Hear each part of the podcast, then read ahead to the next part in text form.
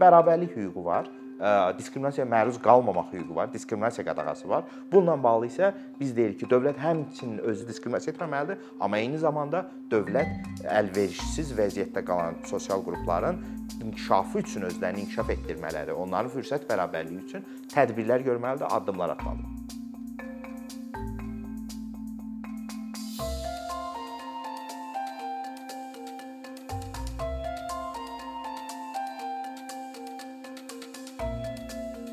Azərbaycanda LGBT icmanın qarşılaşdığı ən təməl problem tanınma problemidir. Tanınma problemi deyəndə biz nəyi nəzərdə tuturuq? Yəni tanınma problemi LGBT icmaya nə cür problem yarada bilər? Yəni insanlarda sual yarana bilər ki, nədir bu tanınma problemi?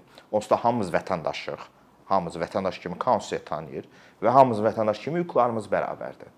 Amma bu belə deyil.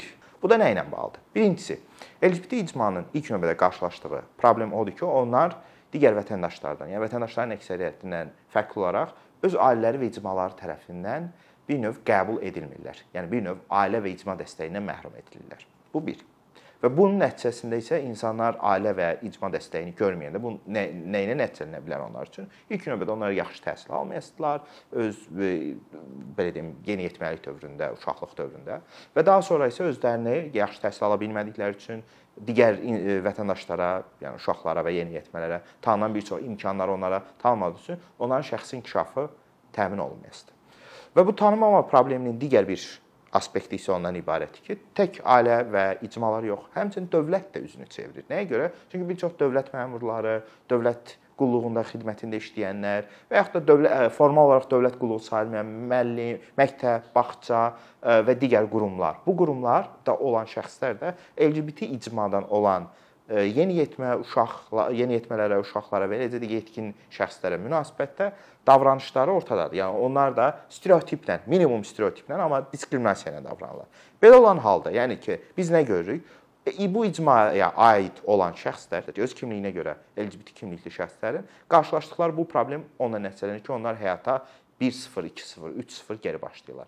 Və geri başlayanda onların artıq, yəni həyata geridə başlayan, yəni bərabərsizliklə başlayan şəxslər nəyə ehtiyacı var məntiqi olaraq? Onların əlavə təminatlara ehtiyacı var ki, o fərqi arada bağlaya bilsinlər. Və o fərqi bağlamaq üçün də dövlətlərin hal-hazırda, yəni mədəni dövlət dediyimiz, sivil dövlətlər adlandırdığımız dövlətlərin istifadə elədikləri bir kateqoriya var. Əlverişsiz sosial qruplar, əlverişsiz vəziyyətdə olan sosial qruplar müxtəlif formada e, Azərbaycan dilinə tələffüz edilir. Qısacası əlverişsiz sosial qruplar. Və LGBT icma həyata geri həyata şanslar etibarı ilə, imkanlar etibarı ilə geri başladıkları üçün onlar da əlverişsiz sosial qrupdular. Yəni dövlət onların məruz qaldıqları məruz qaldığı bu diskriminasiyanı, cəmiyyətdən gələn diskriminasiyanı aradan qaldırmalıdır. Yəni onlara bu imkanları yaratmalıdır, fürsət bərabərliyini yaratmalıdır. Təbii ki, fürsət bərabərliyi də nə ilə yaradılır? Sosial siyasət vasitəsilə yaradılır və yaradılmalıdır. Amma bunun üçün, yəni əlverişsiz sosial qrup sayılmaq üçün dövlət ilk növbədə bu qrupu, bu sosial qrupu əlverişsiz sosial qrup kimi tanımalıdır. Ənənəvi olaraq Azərbaycan dövləti əlverişli sosial qrup kimi əlilliyi olan şəxslər tanıyır. Onlara münasibətdə müxtəlif təminatlar nəzərdə tutulub. Düzdür, indi bu ayrı məsələdir ki, o təminatlar praktikada nə dərəcədə reallaşdırılır, amma tanıyıb e, bu praktikanı kənara qoyub deyirik, tanıyıb və onlara münasibətdə bir sıra təminatları həyata keçirilir. Amma LGBT icma e, belə deyil. Yəni LGBT kimliyi olan şəxslər belə deyirlər. Onlar dövlət tərəfindən tanınmayıbdılar əlverişli sosial qrup kimi və onların həyatda məruz qaldıqları, yəni geridən başlama məsələsini, öz günahları olmadan geridən başlama məsələsini dövlət aradan qaldırmır. Sırf kimliklərinə görə, insanların onlara qarşı stereotipləri olduğu üçün onlar həyata geridən başlayırlar və bu halda dövlət bunu aradan qaldırmaq üçün onları əlverişli sosial qrup kimi tanımalıdır. Bu da sual yaradılana bilər ki, dövlət niyə belə eləməlidir? Çünki bu dövlətin pozitiv öhdəliyidir. Bütün dövlətlərdə, yəni mədəni dövlətlərdən bəhs edirəm, sivil dövlətlərdən bəhs edirəm. Sivil dünyanın beynəlxalq hüququ tanıyan dünya, beynəlxalq hüququ tanıyan dövlətlərin öhdəliklərindən biri budur ki, onlar bərabərlik hüququnu həyata keçirməlidirlər. Bərabərlik hüququnda, yəni hüquqda yaratdığı öhdəliyə biz pozitiv öhdəlik deyirik hüquqşünaslar. Pozitiv öhdəlik deyəndə burada pozitiv sözü yəni müsbət mənasında, yaxşı mənasında deyil. Pozitiv yəni ki, təmin etmək öhdəliyi var. Yəni dövlət ya hüquqlara müdaxilə etməməlidir, buna neqativ hüquqlar deyirik. Yəni müdaxilədən çəkinməlidir. Məsəl üçün, ifadə azadlığıdır, toplaşma azadlığıdır. Biz deyirik ki, xüsusi zərurət olmasa dövlət bu hüquqlara müdaxilə etməməlidir. Amma bir də bərabərlik hüququ var diskriminasiyaya məruz qalmamaq hüququ var, diskriminasiya qadağası var. Bununla bağlı isə biz deyirik ki, dövlət həmçinin özü diskriminasiya etməməlidir, həm də özü diskriminasiya etməməlidir, amma eyni zamanda dövlət əlverişsiz vəziyyətdə qalan sosial qrupların inkişafı üçün özlərini inkişaf etdirmələri, onların fürsət bərabərliyi üçün tədbirlər görməlidir, addımlar atmalıdır. Bu da sosial siyasətlə mümkündür. Sosial siyasət özünü təhsildə göstərə bilər. Yəni təhsil sek sektorunda göstərə bilər ki, bu əlverişsiz sosial qrup və digər əlverişsiz sosial qrupların üçün müəyyən addımlar atsın, yəni onların təhsilə dən yayındırılması halları varsa, təhsilə çatımlıqlarla bağlı çətinliklər varsa bunlardan qaldırsın. Amma daha çox sosial təminat tədbirləri ilə biz bunu görməliyik ki, müxtəlif formada maddi imkansızlıq, iqtisadi fürsət bərabərliyinin olmaması bunlar dövlət tərəfindən aradan qaldırılmalıdır. Amma Azərbaycanda LGBT icma belə bir tanınmaya malik olmadığı üçün onda nə, nədir? Bu tanınma olmadığı üçün onlara münasibətdə bu təminatların heç biri, yəni sosial təminatlar, yəni sosial müavinətlər olsun, ünvanlı dövlət sosial yardımı olsun və digər təminatlar. Azərbaycanda sadəcə qanunvericilikdə iki yerdə icma ilə bağlı, LGBT icma ilə bağlı, LGBT kimliyi ilə bağlı tanınma var. Biri gender bərabərliyi, kişi-qadın bərabərliyinin təminatları haqqında qanundadır. Orda seksual qısnamaya anlayış verilibdir və seksual qısnamanın sadəcə insanların ənənəvi mənada bioloji cinsinə görə yox, həmçinin cinsi yönümünə, yəni seksual orientasiyasına görə baş verə biləcəyi qeyd olunubdur və qeyd olunubdur ki, bu cür, yəni həm həm cinsinə, həm də cinsi yönümünə, yəni seksual orientasiyasına görə şəxslər seksual qısnamaya məruz qalırlarsa, onlara münasibətdə dövlət hüquqi təminatlar təmin etməlidir, yəni onları qorumalıdır. Amma məsələ ondan ibarətdir ki, seksual qısnama anlayışı həmin adını qeyd etdiyim gender bərabərliyinin təminatları haqqında qanunda sadəcə əmək hüquq münasibətlərinə və mülki hüquq münasib mülki hüquq müqavilələri yaranan əmək hüquq xarakterli münasibətlərə aiddir. Yəni iş yerinə aiddir bir növ.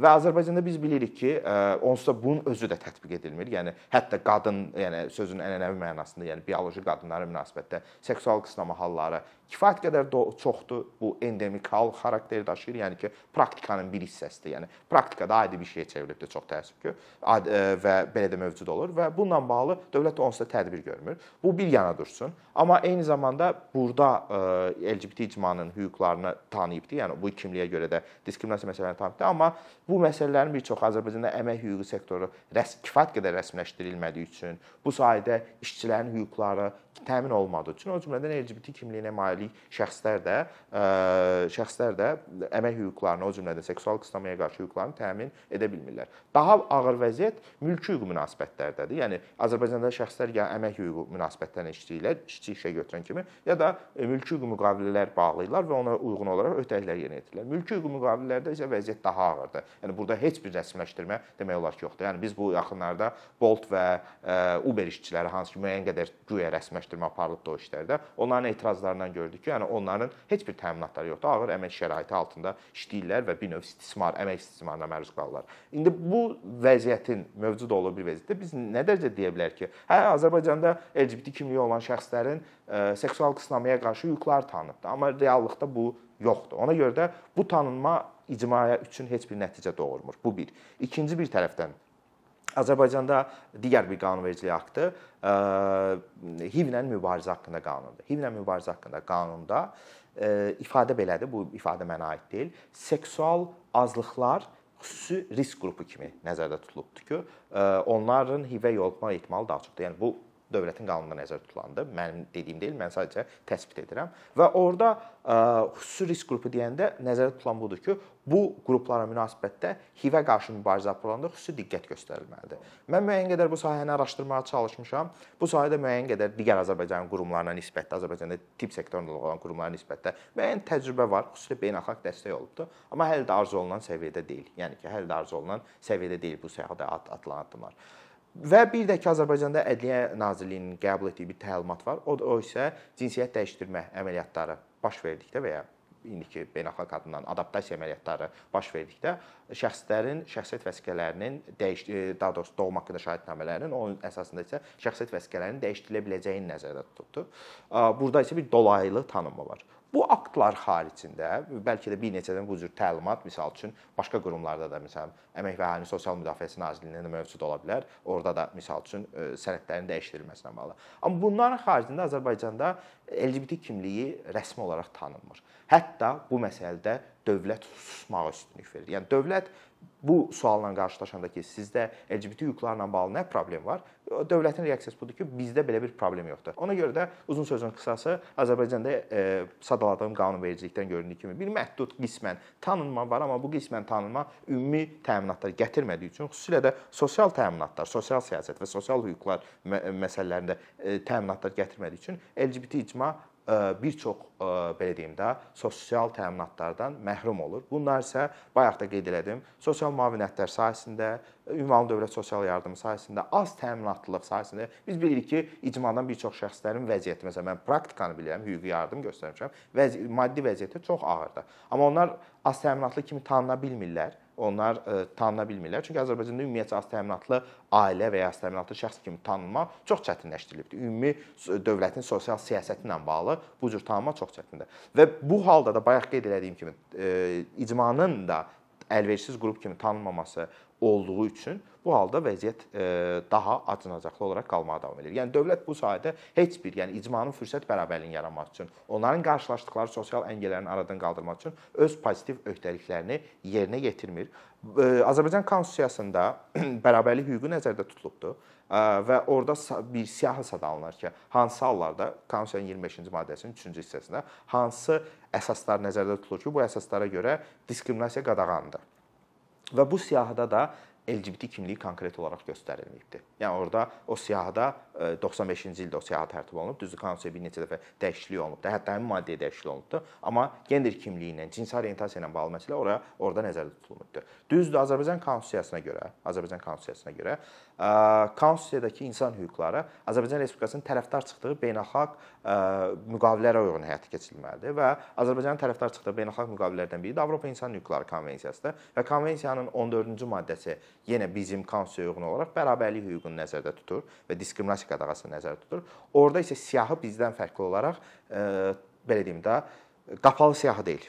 Orda siyahı açıq siyahıdır. Yəni genişləndirilə bilən siyahıdır. Və Avropa məhkəməsi, Avropa İnsan Hüquqları Məhkəməsi, Avropa İnsan Hüquqları Konvensiyasının 14-cü maddəsinə uyğun belə bir şərh eləyibdir ki, gender kimliyi və cinsi orientasiyada bərabərlik hüququ çərçivəsində nəzərdə tutulur və onlar diskriminasiyaya qarşı müdafiə olunan qrup, sosial qruplardan biridir. Və Azərbaycan konstitusiyası da bu konstitusiyanın 12-ci maddəsində nəzərdə tutulan ki, Azərbaycanda insan hüquqları Azərbaycanın tərəfdar çıxdığı beynəlxalq müqavilələrə uyğun tətbiq edilir. Bu o mənaya gəlir ki, Azərbaycan da Avropa İnsan Hüquqları Konvensiyasına nəzərən LGBT kimliyini tanıyır beynəlxalq hüquqa öhdəlik kimi. Amma bu bunun praktikləşdir, praktik implementasiyası üçün nə nəyə ehtiyac var? Bunun praktik implementasiyası üçün bu konstitusiyon, hətta konstitusiyon səviyyədə mümkün deyilsə, bir qanun səviyyəsində tanınmalıdır. Ən azından bir antidiskriminasiya qanunu qəbul edilməlidir və orada əlverişsiz qrupların siyasi göstərilməlidir və onların münasibətdə dövlətin görməli olduğu neqativ və pozitiv öhdəliklər, yəni hansı hallarda dövlət müdaxilə etməkdən çəkinməlidir, hansı hallarda isə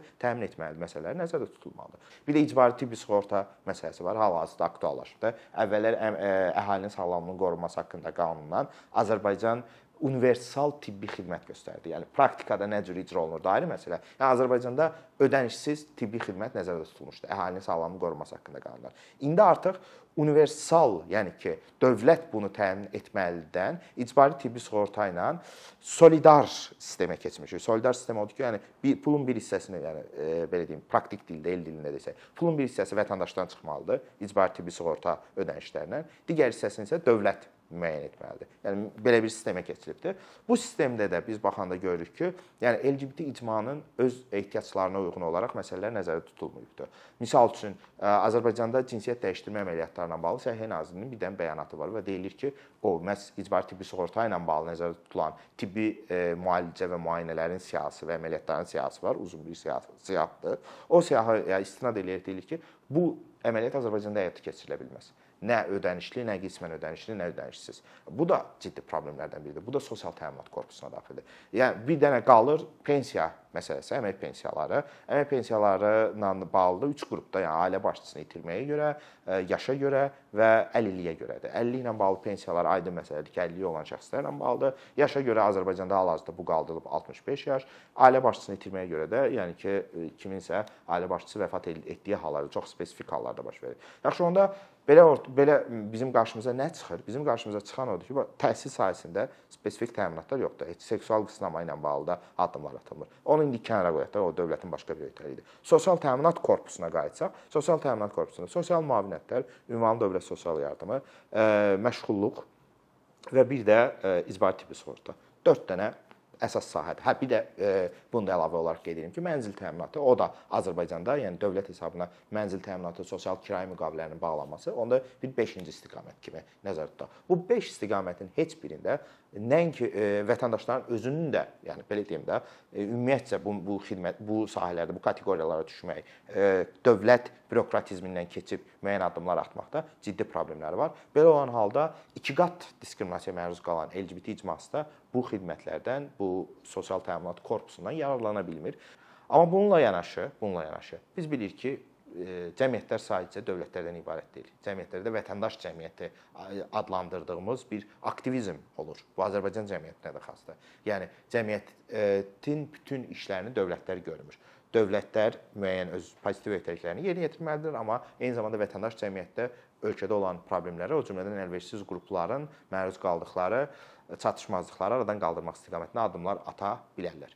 Bunu isə etmək üçün vətəndaş cəmiyyəti dövlət tərəfindən bu işləri etməyə e, imkan verilə biləcək şəraitdə olmalıdır. Azərbaycanda çox təəssüf ki, vətəndaş cəmiyyəti bunları edə bilmir. Çünki dövlət vətəndaş cəmiyyətinin maliyyələşməsi istiqamətində ciddi məhdudiyyətlər qoyubdur.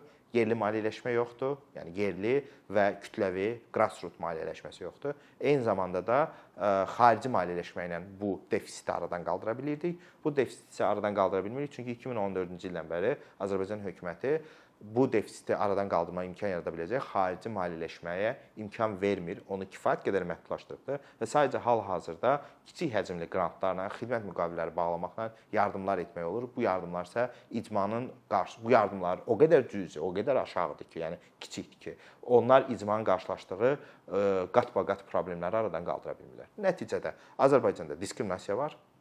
Azərbaycanda tanınma yoxdur dövlət tərəfindən tanınma yoxdur. Dövlət pozitiv öhdəliklərini yerinə yetirmir və yekunda da dövlət həmçinin pozitiv öhdəliklərini yerinə yetirməməklə yanaşı vətəndaş cəmiyyətinə də imkan yaratmır ki, onlar ə, e, icmaya dəstək versinlər, icmanın inkişafını təmin etmək istiqamətində addımlar atsınlar. Yəni qürur ay ərzində Azərbaycanda LGBT icmanın vəziyyəti bundan ibarətdir. Thank